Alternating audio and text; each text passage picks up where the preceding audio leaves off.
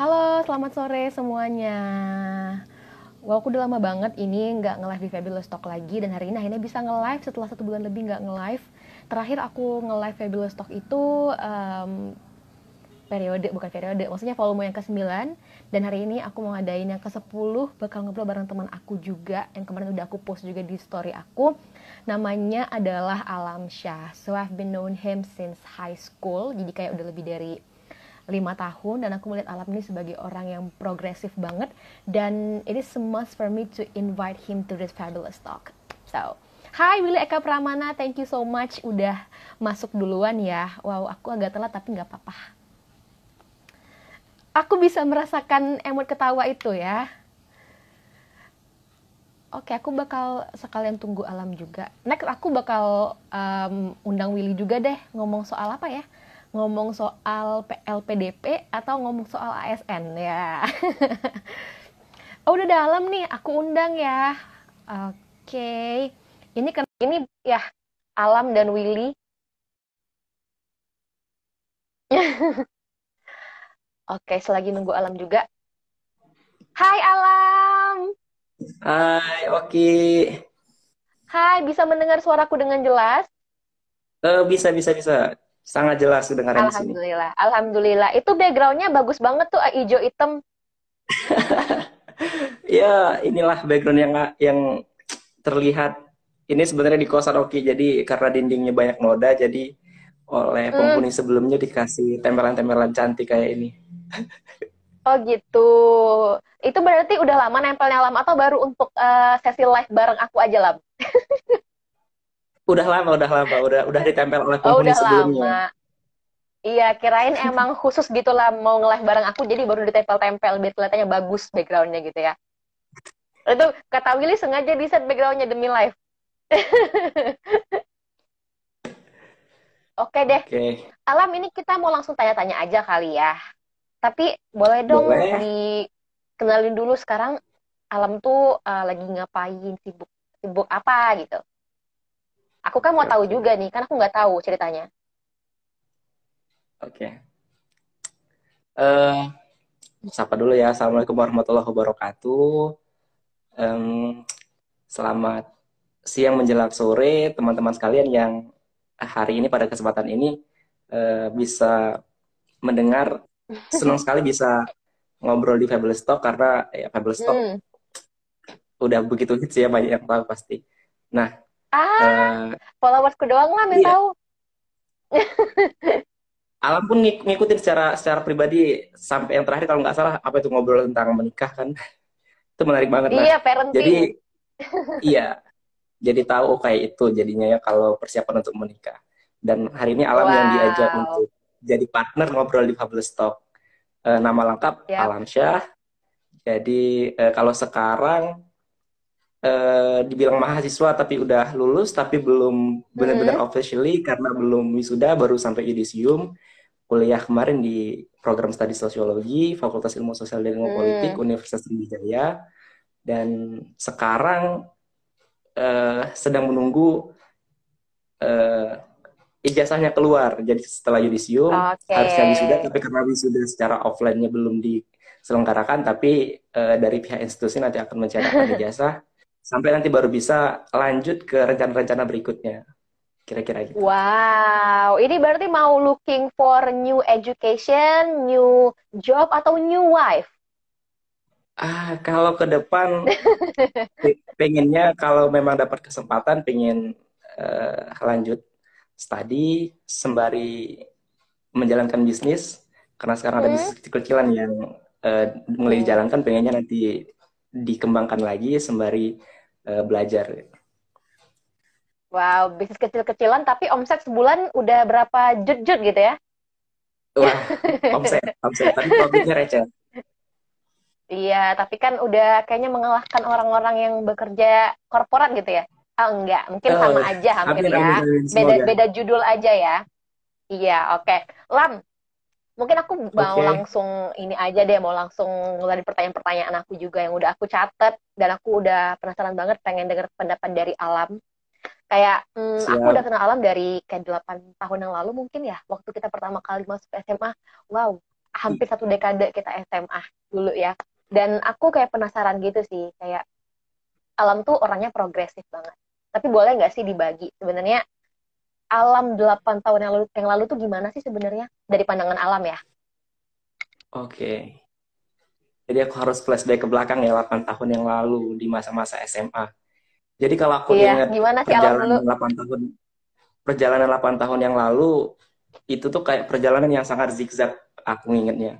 Wow. Kalau aku harus cerita masa-masa SMA itu kaitannya dengan masa-masa SMP. Jadi sebenarnya alam ini uh, tinggalnya di desa kan di di kecamatan Lempuing mungkin nggak banyak yang tahu uh, kecamatan itu di mana tapi yang jelas di desa di Kabupaten Ogan Komering Ilir lalu ketika itu uh, orang tua saya minta uh, alam harus sekolah ke tempat yang lebih lebih maju dari segi pendidikan akhirnya sekolah di Kayu Agung nah waktu hmm. itu waktu SMP karena amanahnya adalah belajar jadi ya aku sangat-sangat fokus untuk belajar.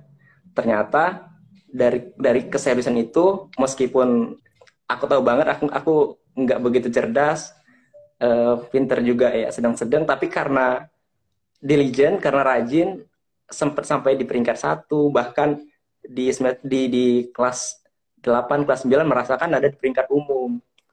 Iya. Wow. Nah, karena karena uh, prestasi yang sedikit itu akhirnya bisa masuk ke SMA yang ketika itu SMA terbaik di Kabupaten Ogan Komering Ilir, SMA 3.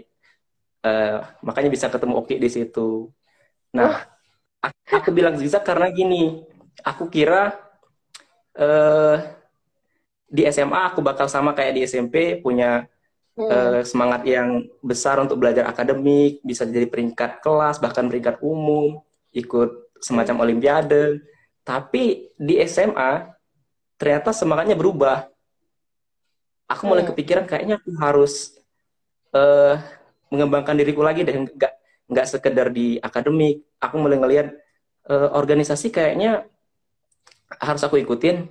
Di SMP ikut, tapi cuma sekedar ikut-ikut aja kan, nggak nggak begitu bener-bener mendalami. Nah, ketika di SMA sejak awal semester, uh, aku udah pengen, aku langsung berpikir aku harus ikut organisasi yang begitu aktif di sekolah ini waktu itu OSIS.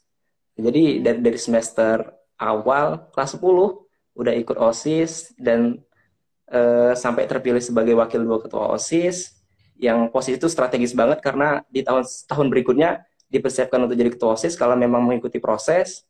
Nah, tetapi yang surprise yang biasanya di setiap semester orang tua aku datang ke sekolah untuk ngambil rapot dan biasanya dipanggil peringkat satu kelas atau peringkat satu umum surprise di semester pertama di SMA itu ketika ibu waktu itu datang ke sekolah jangankan untuk dipanggil sebagai peringkat kelas yang dikasih itu surat panggilan hmm. wow. uh, surat peringatan maksudnya bahwa ini loh bu hmm. anak ibu ini alam ternyata di SMA ini jarang masuk kelas dan peringkatnya kira-kira hmm. peringkat iya di belakang-belakang kayak itu sangat hmm. 180 derajat berbalik dengan keadaan ketika di SMP nah hmm. ternyata ketika itu aku nggak cukup bagus untuk membagi waktu antara akademik dengan organisasi-organisasi benar-benar semangat uh, kumpul organisasi belajar namun akademiknya ketinggalan mm -mm.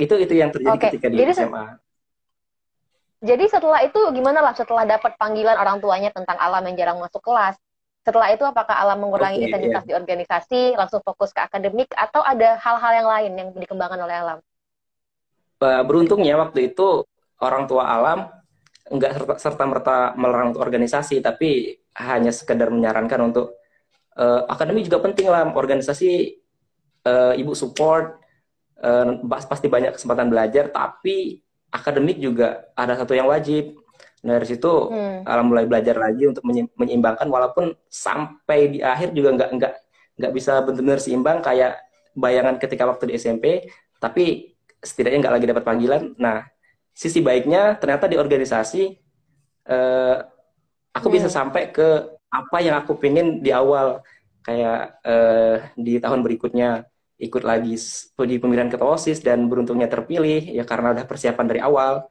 selain terpilih sebagai hmm. ketua osis di SMA itu karena ikut prosesnya uh, dari awal jadi ada event semacam kepemimpinan, ada ada pemilihan 100 ketua OSIS terbaik se Indonesia. Aku coba ikut dan ternyata bisa gabung. Ada parlemen remaja waktu itu juga bisa gabung. Yang itu ternyata juga membantu aku berkembang jauh dari apa yang aku ekspektasikan di awal. Meskipun di akademik, ia bisa dikatakan standar, tapi di organisasi, di uh, sisi-sisi emosional, uh, aku pribadi benar-benar ngerasa berkembang ketika ikut organisasi.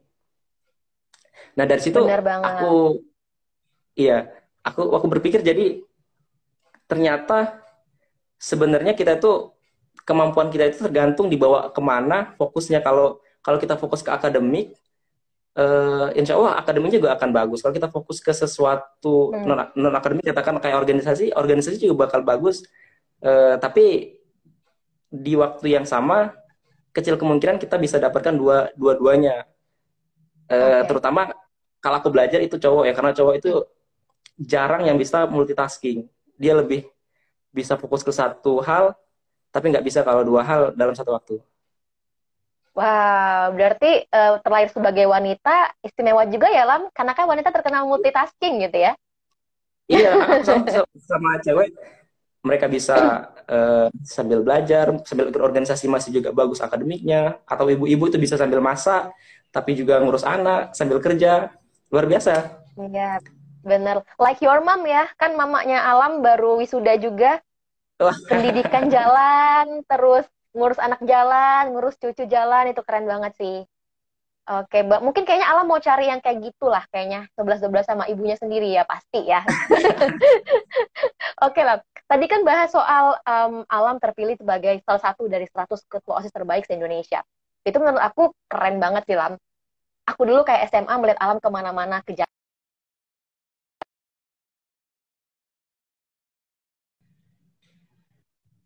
Iya. Halo. Tadi sempat terputus sebentar. Bisa dengar aku? Tadi sempat iya, terputus. Iya, oke. Okay. Nah, kan aku dulu lihat alam uh, ke mana-mana ke Jakarta gitu. Ketua OSIS terbaik, terus parlemen uh, remaja juga. Dan aku melihat alam itu sebagai apa ya? Pemimpin yang menurut aku bijak sih. Karena alam itu pemimpin yang nggak pernah marah-marah, tapi sekali ngomong Wah. tuh ada aja gitu yang bisa kita ambil. Jadi aku aku um, aku pengen bilang kalau misalnya figur alam itu sangat dekat dengan kata pemimpin. Kalau dari pendapat alam nih, sebenarnya alam itu percaya nggak sih kalau sebenarnya alam itu dilahirkan untuk menjadi seorang pemimpin gitu? Kan anda ada katanya um, pemimpin itu dilahirkan, ada pemimpin itu dibentuk. Kalau alam sendiri gimana? uh, percaya atau enggak pemimpin dilahirkan kalau menurut alam terlahir sebagai pemimpin ya tentu hmm. karena sebagai muslim aku percaya setiap orang itu sebenarnya dilahirkan sebagai pemimpin di muka bumi ini. Hmm. mulai dari memimpin dirinya tentunya dirinya sendiri lingkungan sekitar keluarga.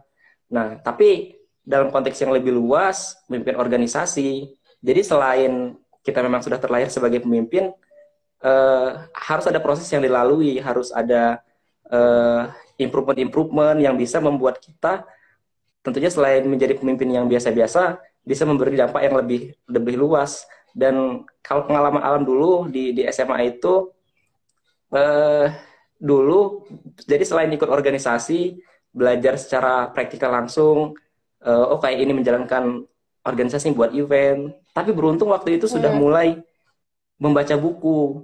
Jadi ah. dari beberapa buku itu akhirnya aku tahu pemimpin-pemimpin yang dulunya juga hebat itu mereka ternyata juga pembaca yang baik. Misalkan hmm. uh, Soekarno katakan sudah tidak uh, asing lagi. Dia dulu kalau pernah membaca ternyata waktu kecilnya itu sebenarnya ringkih tapi dia besar tumbuh itu karena kebiasaan membaca. Terus uh, Abdurrahman Wahid itu yang paling alam inget dia dulu sekolahnya di pondok waktu di hmm. kira-kira MTS lah dia naik ke jenjang lebih tinggi SMA sederajat di pondok tapi ya dia pindah dia bawa dua beca tapi beca itu bukan isinya baju-baju atau pakaian dua beca itu isinya buku nah dari wow. situ oh berarti orang-orang hebat sekalipun dulu dulu itu mereka juga berproses dengan membiasakan membaca dan dari situ dia bisa mengolah emosinya dia dia dia tahu apa yang harus hmm. dilakukan dia uh, tumbuh gitu dari dari dari kebiasaannya membaca Oke, okay. berarti sebenarnya alam tuh percaya kalau misalnya pemimpin yang baik itu emang dilahirkan, tapi juga terbentuk dengan proses begitu ya, alam? Iya. Dan iya. kalau Tadi alam juga buku, sempat, ya. Hmm? ya, gimana alam? Lanjut Jadi, uh, dulu dulu momen pertama kali buku yang menurut alam membuat banyak perubahan dalam perjalanan ke, ke Jakarta di tahun 2013 sebenarnya nggak eh, sengaja beli buku itu ada kayak di di warung ada judul buku pemulihan jiwa. Nah, hmm. eh, Alam tuh iseng sebenarnya beli apa sih isinya? Ternyata waktu di depan di di halaman pertama tuh disebutkan di situ eh, masalah tuh katanya bukan bukan masalah kalau pikiran kita nggak bermasalah. Jadi Alam tambah tertarik oh. tuh kayaknya bagus. Ternyata Powerful. dalam buku itu iya itu kalau nggak salah ditulis oleh Dedi Dedi Susanto. Memang memang dia psikolog. Dan dari buku itu akhirnya alam tahu e, gimana cara agar kita e, bisa merespon. Jadi segala sesuatu yang terjadi itu sebenarnya tergantung kita meresponnya. Kalau kita meresponnya bisa melihat dari banyak sisi kecil kemungkinan kita melihat sisi negatif. Justru banyak sisi-sisi positif yang bisa kita lihat. Misalkan kalau di organisasi terus ada yang marah kita waktu itu yang yang alam rasa banget mungkin kita harusnya kan uh, ikut marah balik atau iya. kita jadinya ribut tapi dari buku itu alam jadinya tahu uh, harusnya supaya masalah itu semakin kecil supaya kita terlihat dewasa kita bisa bisa berdamai dengan masalah kita harus berpikir uh, kayaknya yang marah itu sedang ada masalah lain atau yang marah yep. itu sedang ada ada ada uh, konflik dengan orang lain sehingga kemarah kita itu cuma sebagai pelampiasan dan uh, kemungkinan B kemungkinan C sampai sebanyak itu jadi kita bisa maklum dari situ hmm. itu sedikit uh, ya yang alami tapi banyak, banyak lagi dari buku itu sampai hmm. akhirnya ketemu buku kedua buku ketiga yang kayaknya beruntung waktu itu ketemu buku-buku itu sampai membawa ke titik hmm. sekarang Iya bener banget. Kalau misalnya boleh aku simpulkan juga, kayak sebenarnya kalau misalnya kita berhubungan sama orang lain itu perlu yang namanya open communication gitu ya Lam. Kalau sekarang mungkin kita kenal dengan kata emotional intelligence. Bagaimana kita bisa iya. memahami yeah. emosional orang lain, bisa memahami kalau mereka marah tuh pasti ada sebab akibatnya. Karena yang aku pernah baca juga kayak di akun psikologi gitu, apa yang terjadi waktu kita marah itu sebenarnya turunan dari beberapa emosi sebelumnya gitu, dari sedih, terus bisa langsung jadi ke marah seperti itu ya Lam. Terus kalau misalnya ngomongin soal buku gini yeah. Lam, um, seberapa ben seberapa penting sih buku bagi Alam? Buku. Uh, dari dulu pernah ketemu satu kata-kata coach lah kata katakan coach dan sampai sekarang hmm. Alam inget masih sering ulang-ulang. Jadi kata coach itu gini, kita tuh lima tahun ke depan sebenarnya sama aja dengan hari ini, kecuali dipengaruhi dua wow. hal. Yang pertama, okay. siapa teman kita, dan yang kedua buku apa yang kita baca oh. hari ini. Nah jadi oh. itu benar-benar memotivasi aku untuk aku nggak mau lima tahun lagi masih kayak ini berpikir masih kayak ini dan pencapaian juga belum ada apa-apanya dan dari dari coach itu uh, buku adalah salah satu selain teman yang bisa membuat kita uh, semakin maju Da dari dari buku yang pertama tadi dalam ceritakan ketemu buku pemulihan jiwa itu yang kemudian ada sampai satu dua tiga ternyata itu pernah alam baca. Nah ada satu buku ternyata juga yang bukan ditulis orang Indonesia yang disarankan dan akhirnya alam baca. Jadi jadi kalau tadi itu lebih fokus ke diri kita. Jadi kita paham betul eh, gimana mengelola emosi kita, mengelola pikiran kita. Hmm. Nah buku yang kedua itu dan dari itu juga sebenarnya tapi eh, ya saran dari buku itu judulnya judulnya Niki uh, How to Win Friends and Influence People itu bukunya oh, ditulis oh, iya. oleh Dale Carnegie. Hmm. Kalau buku itu lebih membahas cara memahami orang lain. Kalau tadi memahami kita, oh. gimana kita uh, uh, merespon. Nah kalau itu akhirnya alam tahu dari buku How to Win How, How to Win Friends and Influence People itu ternyata ada ada banyak hal-hal yang uh, dari diri, diri jadi kan perilaku manusia itu kompleks tetapi mm. ada ada pola-pola berulang yang bisa diidentifikasi ada pattern nah kalau kita mm. mau memenangkan memenangkan dalam konteks bisa diterima orang lain bisa disukai orang lain kita harus tahu ternyata kayak orang itu paling nggak suka dikritik nggak nggak ada manusia di, di di dunia ini yang mau dikritik sekalipun mungkin politician yang bilang e, kami sangat uh, membutuhkan kritik-kritik dari masyarakat. Kalaupun harus mengkritik ada caranya ternyata. Terus ternyata orang hmm. itu suka untuk dipuji. Nah, tapi dipuji juga ternyata beda dengan sanjungan. Karena ada yang terjebak okay. mencoba menggunakan itu untuk senjata tapi dia sanjungan sanjungan dengan pujian itu bedanya gini kalau kalau sanjungan dia palsu nggak ada di orang itu terus di, di, diceritakan oh kamu tuh pinter tapi sebenarnya enggak dia dia dia bohong hmm. nah kalau kalau pujian itu tulus emang emang ada dan, Gimana dan tuh, Lam? dia coba iya Gimana contohnya? Misalkan Oki. Oki uh, yang yang yang benar-benar ada di Oki. kok jadi oh, kok jadi speechless gitu deh. aku ingat ingat dulu. Oki itu hmm. sangat luar Jangan biasa Oki dari lah, sisi. Ada Willy di sini. Uh, Oke dulu nanti Willy ya. Oki itu paling paling hebat oh, ya sudah, public speaking, se se seorang presenter. Oh, thank you. Uh, nah dan juga dan dari buku How to, How to Win Friends itu juga alam tahu jadinya ada ada cerita Presiden Puff di di Amerika. Jadi dia itu diceritakan kalau di Amerika menurut buku itu orang yang benar-benar pinter. Seluruh orang yang iya. datang akan menganggap dia pinter. Ternyata dari situ alam tahu sebenarnya menurut dia dia nggak terlalu pinter. Tapi setiap ada orang yang datang ke Gedung Putih itu dia akan dia akan cek orang itu backgroundnya apa. Misalkan yang datang Willy, oh Willy anak hukum, dia lagi okay. lagi uh, dapat uh, beasiswa LPDP dan dia lagi ini ini nih ketika orang itu datang hmm. dia nggak akan bahas tentang alam sosiologi nih backgroundnya alam nggak akan banyak cerita sosiologi yeah. itu gini masyarakat itu gini tapi dia akan bahas oh hukum tuh penting ya hukum tuh ternyata uh, sangat bermanfaat mulai dari belajar asas-asas hukum asas-asas hukum pun bisa membuat kita paham nah itu alam dapatkan di, di buku tadi yang uh, waktu organisasi jadinya selain belajar secara praktek mulai menerapkan itu juga dari teori-teori O biar kita bisa uh, bisa diterima oleh teman oleh oleh kolega dalam organisasi pakai pendekatan-pendekatan itu waktu itu. Hmm, mungkin itu kira-kira gitu. Berarti kayak uh, lebih kayak menyamakan purpose-nya gitu kali alam ya, atau beda lagi nih? Ya, yang mana nih? Uh, yang tadi kan kata alam kalau misalnya kita mau ngomong sama Willy misalnya, kita tuh bukan ngomongin soal banyaknya prestasinya bukannya kayak gitu tapi ternyata lebih kepada backgroundnya Willy kan si Willy ini hukum jadi lebih banyak uh, bahas soal uh, background hukumnya si Willy jadi ini kayak menyamakan purpose gitu nggak sih Lam sebenarnya iya mencari kesamaan-kesamaan fokusnya bukan uh-huh. kita tapi partner yang yeah. kita ajak ngobrol prestasi juga boleh hmm. diangkat hmm. sesuatu yang menurut dia itu membanggakan uh, hmm. apa yang sekarang menjadi konsennya sebenarnya orang-orang tuh sama sekali bisa dikatakan sama sekali nggak tertarik dengan apa yang ada di diri kita. Dia tuh hmm. Hampir dikatakan 100% cuma tertarik dengan dirinya, prestasinya, kebanggaannya. iya, itu secara psikologi dalam buku itu yang alam tahu. Kalau kita ternyata nanti ngobrol sama orang terus kita cuma cerita, aku dari sini loh, aku di sini sini. Mereka nggak butuh. Mungkin mereka Benar dalam banget. beberapa menit sudah, oh, oh kayak itu, oh kayak itu.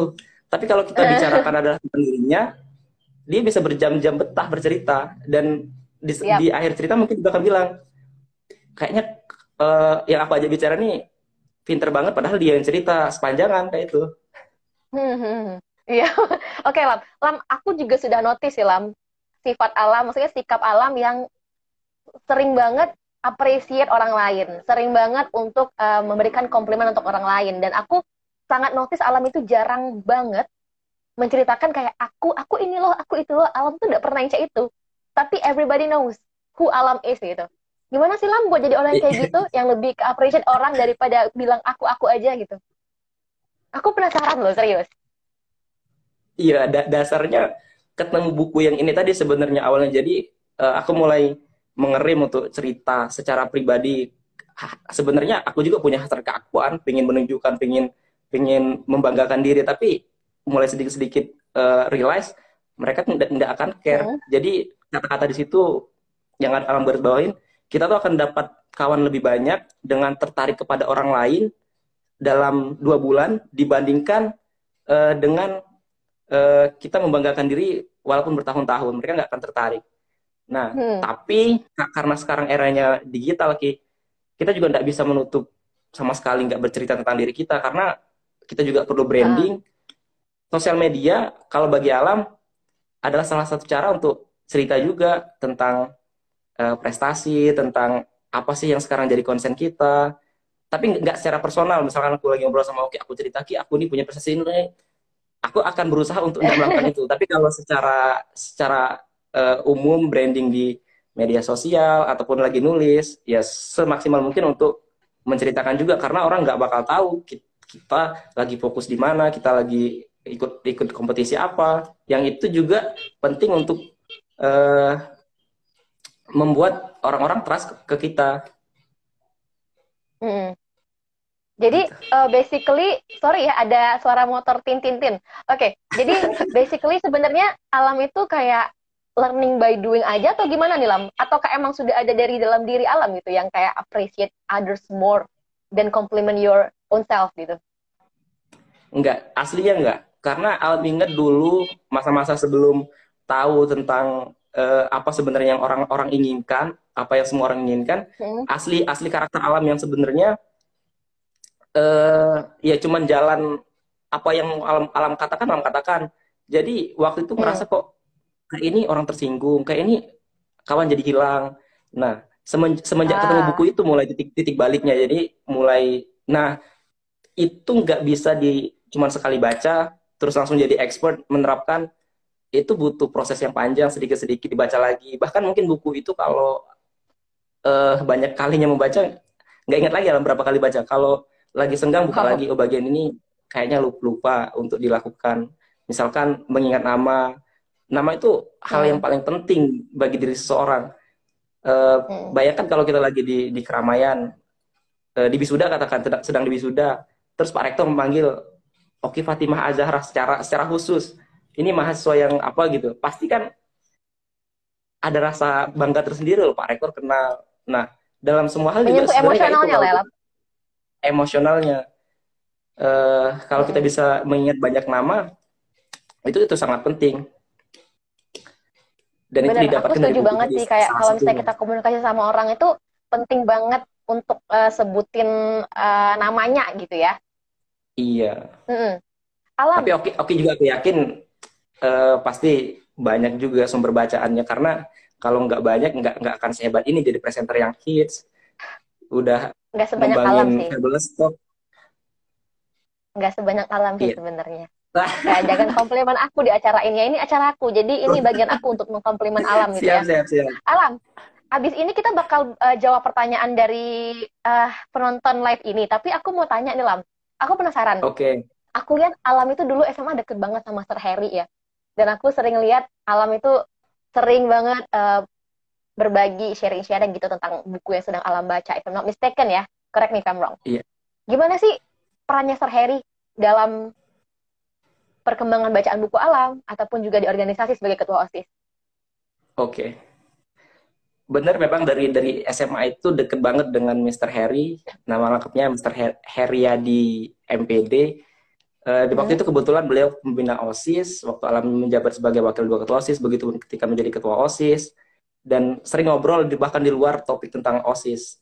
Kalau dikaitkan lagi dengan hmm. buku yang tadi, itu ternyata Sir Harry, itu jauh, beberapa tahun yang lalu sudah selesai baca buku itu, dan pernah dalam satu perjalanan ke Palembang, Alam ikut naik mobil beliau, dikasih tahu, tahu nggak Alam katanya, buku itu, Sir sudah baca dari dulu, tapi ada satu yang Alam harus tahu, itu nggak bisa di, di, diterapkan dengan kepalsuan katanya. Kata-kata kata kata yang harus digarisbawahi itu tuh harus hmm. sincerely, harus tulus. Kalau enggak semuanya hmm. kayak fake.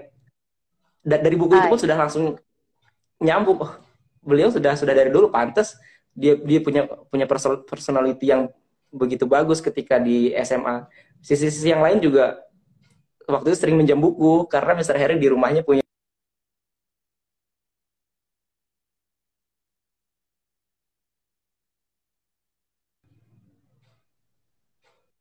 Halo Lam? Halo? Iya. Kedengaran Oke, lanjut Lam. Iya, udah kedengeran. Dari rumah Sir Harry tuh.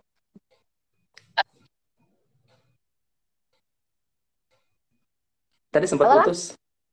Iya. Iya, gimana Lam? Kedengaran suara Lam? Boleh lanjut? Udah, udah Oke. dengar. Masih tentang Sir Harry tadi, beliau di rumah punya perpustakaan Lam, pribadi yang ya. Waktunya tinggal dikit lagi nih. oke, yang punya Iya. perpustakaan pribadi yang di situ Alam sering pinjam untuk baca. Mm. Akhirnya ya sangat-sangat banyak berpengaruh dalam pertumbuhan Alam di, di masa SMA itu. Mm, berarti intinya emang Alam sama Sir Harry kayaknya sefrekuensi gitu ya, Lam. Eh, banyak bacaan yang sama dan juga mungkin eh, untuk jalan pikirnya juga hampir sama nggak Lam? Atau beda nih sama Sir Harry?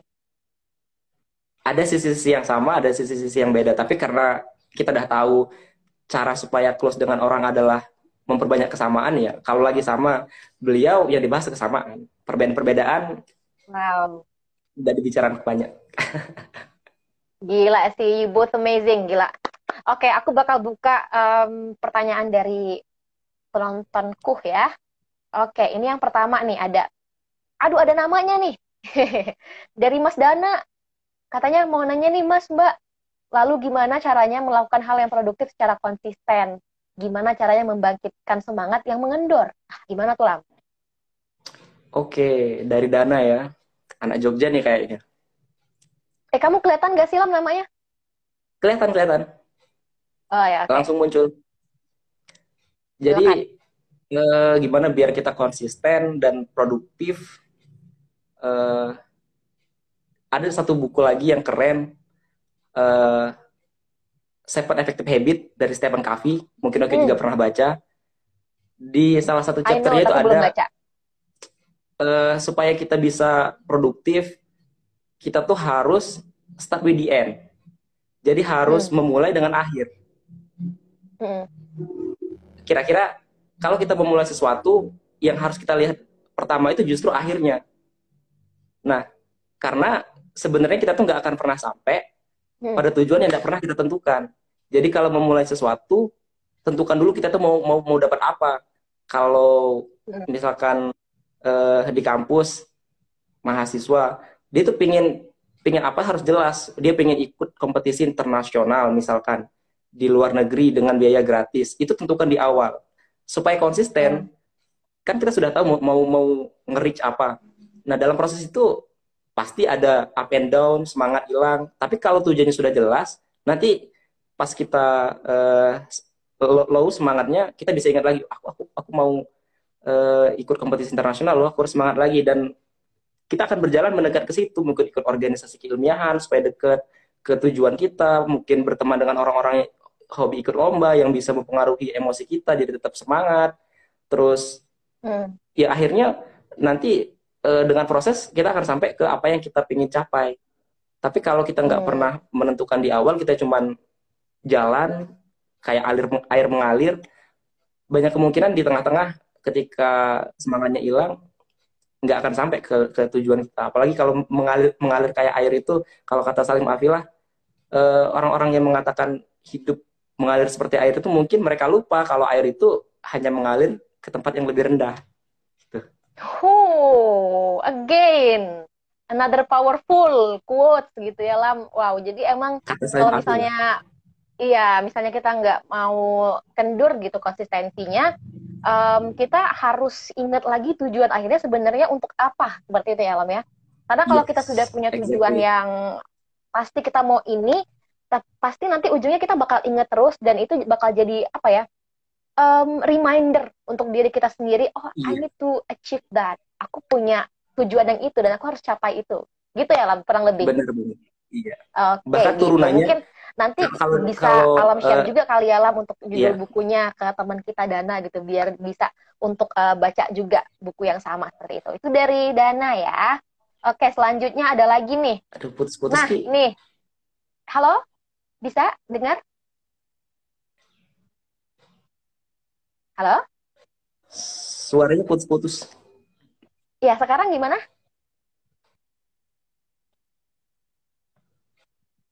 I think my network is okay. Gimana, Lam?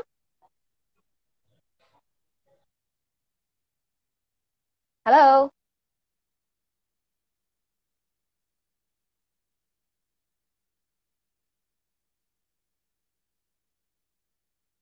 Okay, perhaps uh, Aku coba untuk remove alam. Oke, aku coba undang lagi ya alam syahnya. Sorry ya teman-teman.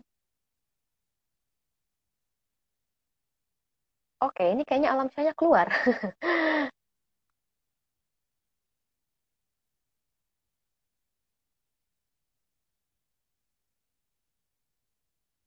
aku bakal hubungin alam syah dulu.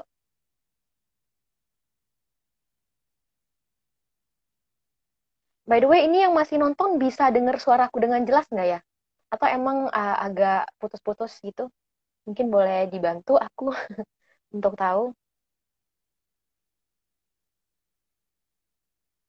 Oke, okay, alam syah udah ada. Oh, belum mana ya?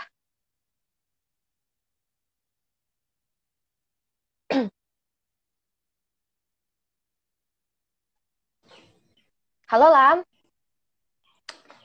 Oke, tadi putus-putus kayaknya ya. Oke. Iya, tadi aku remove dulu alam jadi baru aku undang lagi. Oke. Oke, kita udah bisa lanjut ya Lam. Pertanyaan selanjutnya siap, nih Lam. Oke, ini sih aku kayak uh, ini aja deh.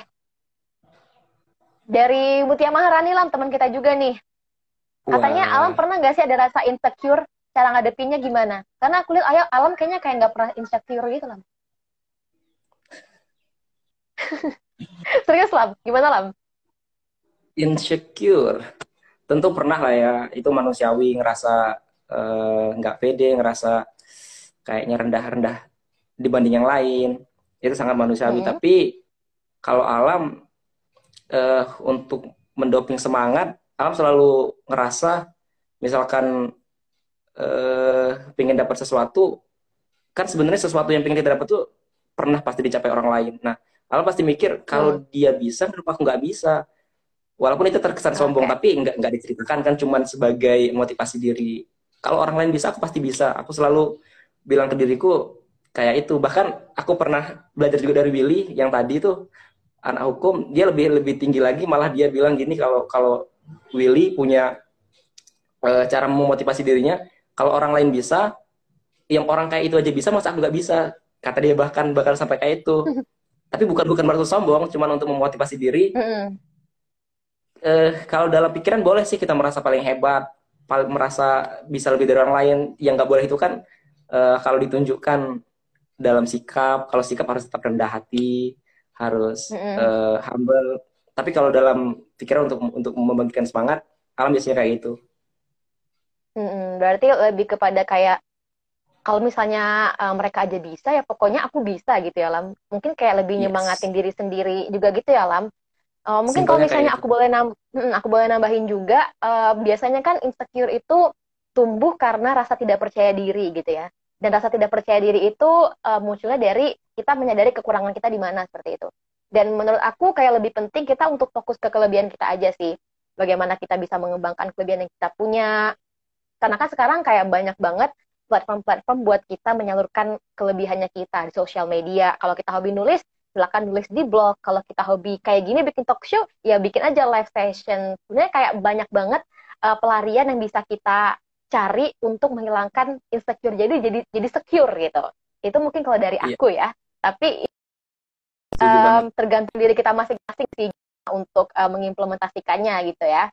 Gitu mungkin ya untuk Mutia Maharani. Wah, thank you so much ya udah nanya nih Um, Oke, okay, tadi udah ada yang nanya juga tentang konsisten. Mungkin aku sekarang mau tanya sih, Lam. Kayak um, Alam itu kan sebenarnya di akademik udah cek lah gitu. Terus di organisasi juga udah udah bagus banget gitu. Dan sekarang Alam sedang mengembangkan travel business gitu. Sebenarnya waktu itu mulainya gimana sih, Lam? Kayak tiba-tiba seorang Alam gitu jadi businessman on travel gitu. Menarik nih pertanyaannya tentang travel yang sekarang lagi alam hmm. rintis. Jadi 2018 eh, dua tahun yang lalu di semester udah semester atas masa kuliah ikut lomba di di, di nasional udah beberapa kali lomba internasional juga pernah walaupun masih deket waktu itu mikir untuk ningkatin lagi level aku pengen coba lagi tingkat yang lebih tinggi sekaligus uh, kayaknya semua orang juga pengen lah ya ke luar negeri untuk cari pengalaman untuk melihat dunia baru akhirnya waktu itu bareng Oki juga partner kita mutusin kan untuk lomba ke London, ingat. Tapi karena belum beruntung, proposal kita eh, nggak di ACC karena dananya cukup besar, akhirnya cancel yang ke London. Lalu kita hmm. ikut eh, paper internasional di negara lain, ternyata waktu itu ya dapatnya di Hong Kong. Dan beruntung kampus uh, kita Universitas Sriwijaya mendanai secara penuh waktu itu untuk berangkat ke Hong Kong. Akhirnya kita berangkat untuk presentasi uh, paper di Hong Kong. Nah, sebenarnya itu kali kedua ke luar negeri. Kali pertamanya pernah uh, ke Singapura.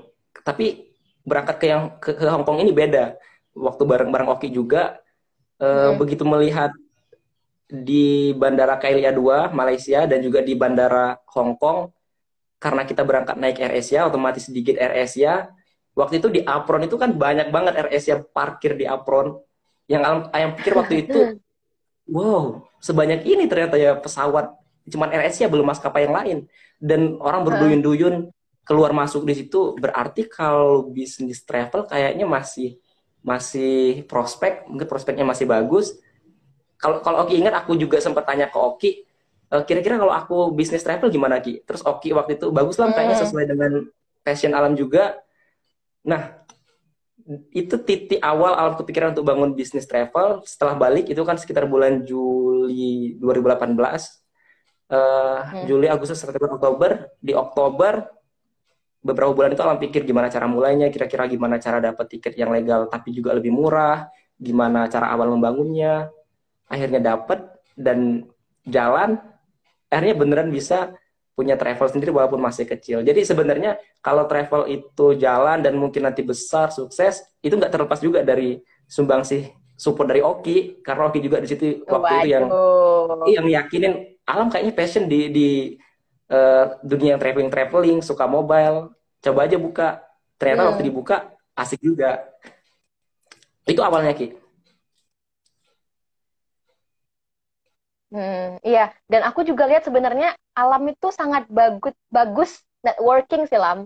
Kayak um, kayak alam tuh tidak pernah malu untuk nge-approach orang duluan untuk tanya-tanya, you know kan waktu aku bareng alam itu aku jarang untuk nge-approach orang duluan, tapi alam itu benar-benar nge-approach orang duluan dan menurut aku that that skill yang sangat dibutuhkan untuk saat ini. Untuk ke depannya gimana lah nih travel bisnisnya? Oke, ya karena travel bagus sepertinya ke depan karena sekarang yang Alam ceritakan dari 2018, jalan 2019 sampai pernah menurut Alam di, di posisi bisnis yang masih dirintis sampai ke peak yang Alam nggak pernah bayangkan sampai ke titik itu. Tapi ternyata eh, ada plus minus juga karena waktu itu sedang skripsi, hmm. skripsi ternyata akhirnya ya karena lagi-lagi nggak seimbang. Terus yang paling seru masuk di 2020 ada pandemi dan pariwisata uh. adalah sektor yang paling terpuruk otomatis travel alam juga lagi lagi terpuruk tapi mm. eh, jangka panjang pengennya travelnya tetap nanti jalan kalau kondisi sudah membaik lagi eh, semoga nanti bisa semakin besar travelnya gitu sih rencana karena eh, di, di travel ini mungkin teman-teman juga berpikir atau bertanya-tanya kan udah banyak sekarang travel uh, travel by aplikasi yang lebih canggih kayak Traveloka, Tiket.com, pergi-pergi dan lain sebagainya. Kok masih bisnis hmm. travel? Ini travelnya manual loh, masih pakai WhatsApp karena dia punya value yang uh, nggak ada ataupun belum belum dilirik oleh travel-travel besar bahkan yang aplikasi itu kayak uh, kan kita berangkat dari mahasiswa kita tahu apa kebutuhan mahasiswa uh, mereka sedang lomba waktu waktu zaman sebelum pandemi itu. Eh, tapi masalahnya waktu itu adalah biasanya sekalipun dibiayai penuh oleh kampus uang itu akan dikasih hanya ketika eh, sudah hamil berapa berangkat ataupun bahkan di reimburse ketika pulang.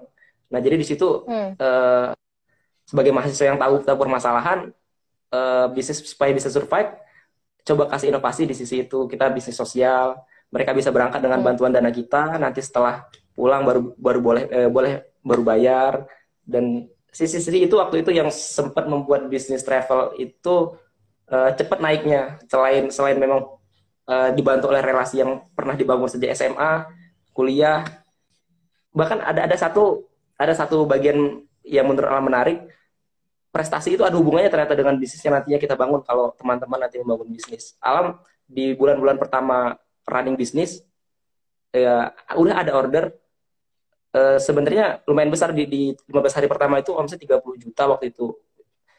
Lumayan lah untuk untuk pertama membangun. Tapi yang lebih shock waktu e, setelah itu ada kontak dari kampus lain. Mereka nanya, Alam bisnis travel ya? Alam jawab iya kami mau berangkat ke Sudan. Siap, walaupun waktu itu belum belum pernah ya kalian jauh paling jauh Malaysia cuma order. Berapa orang? Ada sekitar 8 orang bersama dosen. Tolong dihitung kami berangkat dari Palembang, transit Malaysia dan uh, lanjut ke Sudan. Alam hitung cepat, alam kirim sekitar 79 juta. Tapi di, di bayangan alam nggak hmm. mungkin lah orang mau transfer 79 juta. Ini bisnisnya baru beberapa hari jalan, belum punya pengalaman dan itu perjalanan yang nggak bisa main-main waktu hari Jumat, alam sholat hmm. Jumat, begitu pulang, uang ini uh, belum belum transfer waktu itu, tapi dijawab, uh, oke okay, deal, dengan harga itu kami kami setuju karena kayaknya lebih murah dibandingkan yang lain. Nah, tapi sampai sore belum ditransfer. Ya, alam nggak hmm. memang berharap, tapi juga nggak terlalu berharap karena kayaknya kecil kemungkinan akan ditransfer. Alam tanya, e, kenapa belum ditransfer ini kak? Gini katanya, kami percaya tim seluruhnya percaya, tapi kampus, universitas uh, yang yang support kami, dia nanya ini travelnya travel mana, siapa yang punya, udah udah oh. resmi belum? Uh, terus kakak itu jawab, saya bisa jamin itu terpercaya. Iya kan ya kami bisa jamin, kampus nggak bisa, di, dia di mana tinggalnya. Nah tapi kakak itu jelaskan uh, si ownernya dia mau pres visi Punsri, dia mau pres visi hmm. Katanya. Jadi kalau nanti seandainya ada apa-apa, dia dia dia ada di visip. Ternyata cuma gara-gara itu kampusnya jadi approve. Oke lah kalau emang di ilmiahan eh, di, di di dunia keilmiahan dia juga mau apres hmm. transfer sekarang. Dan sore harinya shock begitu buka di rekening udah masuk 79 juta bisnis yang baru beberapa hari orang percaya untuk transfer sebesar itu cuman gara-gara wow. uh, si ownernya ternyata uh, juga fokus di dunia keilmiahan nah jadi kalau kawan-kawan yang lagi ikut lomba, ikut lomba, semangat membangun prestasi, itu harus harus lebih semangat lagi karena nanti pasti pasti akan ke, terkait dengan apa yang akan dibangun kemudian, mungkin bisnis, orang akan melihat track record sebelumnya apa sih, jadi orang akan lebih trusted. Dan singkat cerita Gila. itu deal dan ya walaupun nggak besar lumayan, lumayan nambah. Keren. Itu bukan terbang. bukan lumayan lagi ya, please. itu big number lah. Tapi itu berarti sebelumnya Alam sudah kenal sama yang pesan itu ya Alam? Pernah ketemu sekali di Padang, di salah satu event uh, di Padang, jadi kita kenalan. Kebetulan dia juga delegasi Sumsel, tapi cuma sekali itu. Hmm. Setelah itu cuma kontak-kontak di media wow. sosial, dia lihat Alam posting bangun uh, bisnis, dan uh, ya di situ disebutkan bisa nasional internasional flightnya dan dia lebih percaya ke, ke alam mungkin Red. ada sisi sosialnya kan pertemanan selain harga harga juga uh, dikasih lebih murah sedikit kira-kira. hmm, iya.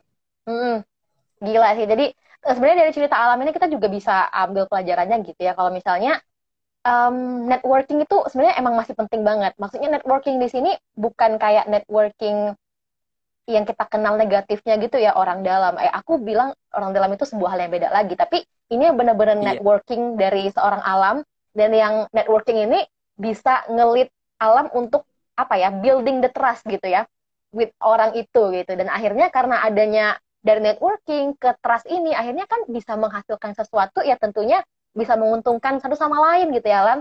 Customernya bisa dapatnya lebih murah alamnya juga bisa dapat untung. Wow that's the beauty of yeah. networking. Gila keren banget gitu sih. Aku pengen tahu nih Lam apa sih life value yang sangat dipegang sama Alam?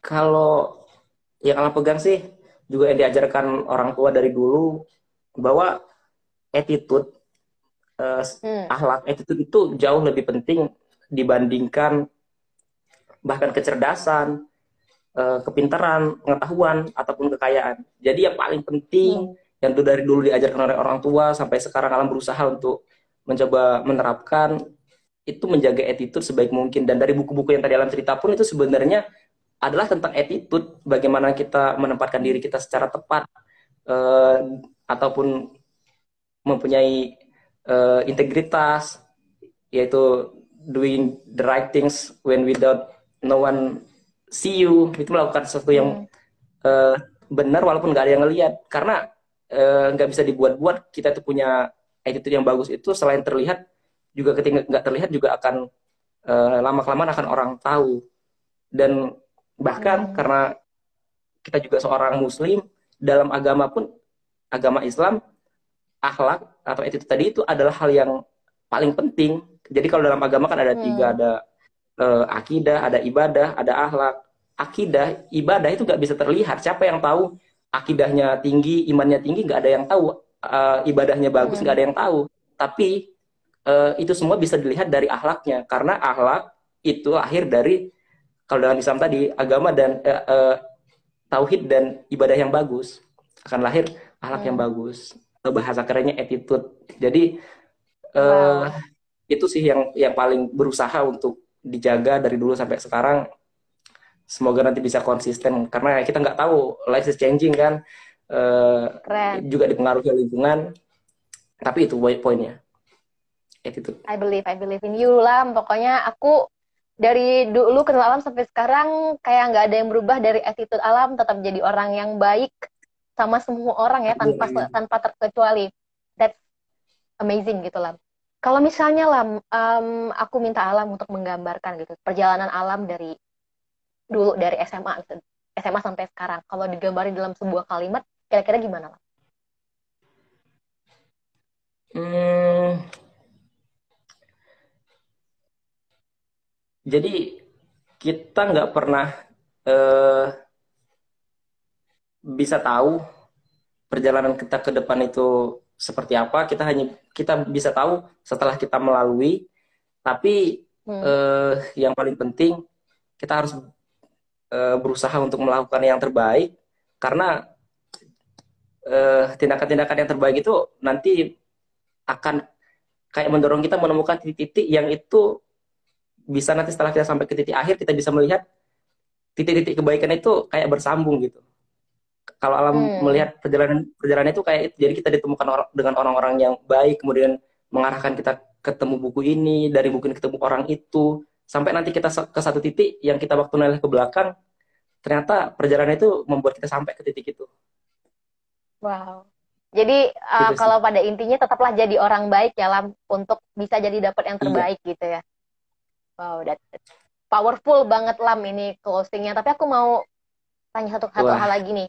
Kayak mungkin Alam bisa bisa kasih um, message buat teman-teman yang masih pada nonton ini sampai akhir. Kayak um, gimana sih untuk jadi orang yang tetap keep on track di garis kebaikan gitu? Tetap jadi orang yang baik itu gimana? Uh, untuk teman-teman semua yang sore ini masih menonton masih mendengarkan obrolan ringan kita sore ini uh, saya titip pesan ke teman-teman untuk tetap semangat selalu semangat harus yakin kalau kita pingin sesuatu itu harus yakin saya yakin yakinnya kita bisa dapatkan itu karena uh, hmm. what we can imagine, we can reach it. Apa yang bisa kita bayangkan itu hmm. bisa kita capai bahkan. Jadi jangan sampai kita membatalkan doa. Kita mungkin berharap berdoa uh, melakukan apa yang ingin kita capai dengan kerja keras, tapi ada satu pikiran kita yang menganggap eh kayaknya impossible, kayaknya nggak mungkin. Itu sama aja kalau bahasa uh, psikologi itu membatalkan doa. Jadi harus yakin ketika kita yakin ingin dapat sesuatu, seluruh uh, dari bagian tubuh kita harus yakin dan lakukan konsisten sampai nanti kita melihat ternyata itu nggak semu nggak sesulit yang kita bayangkan di awal dan yakin hmm. itu pasti bisa gitu benar kalau bisa kita punya niat baik yakin aja pasti semesta mendukung gitu ya lam jangan iya. penuh keraguan-raguan pokoknya lakuin apa aja yang terbaik dan bisa yang tentunya kasih impact yang bagus juga buat lingkungan sekitar gitu ya lam Wow, Alam, thank you so much. Ini kayak Sama-sama satu okay. jam bener-bener enggak kerasa karena yang kita obrolin bener-bener insightful juga. Kasih kita perspektif perspektif baru tentang Alam Syah. Another side of Alam Syah kayak mungkin Alam uh, enggak selalu ya kasih quotes-quotes berbagi tentang uh, buku-bukunya tapi sore ini kita dapat berbagi hal tentang alam. So thank you so much Alam. Sukses terus ya Sama-sama untuk uh, bisnis travelnya, untuk pendidikannya juga kalau mau lanjut S2, pokoknya everything you'll do, I'm gonna say that best of luck for you. So thank you so much Alam, nanti kita ngobrol-ngobrol lagi ya uh, di sebuah topik yang baru tentunya. Oke, okay, selamat istirahat ya Alam. Bye. Oh my god, thank you so much buat teman-teman yang udah nonton dari awal sampai akhir. Aku um, bakal nyangka sih sebenarnya obrolannya bakal insightful karena I know Alam Syah, dia bener-bener inspirasi untuk semua orang. Bagaimana ceritanya dari awal sampai sekarang dengan perjalanan yang sangat progresif. So aku harap dari obrolan tadi teman-teman bisa ambil banyak hal-hal yang bisa teman-teman implementasikan juga kehidupan teman-teman seperti itu. Oke, okay? terima kasih banyak udah nonton Fabulous Talk ke 10 hari ini. Semoga kita ketemu lagi dalam kesempatan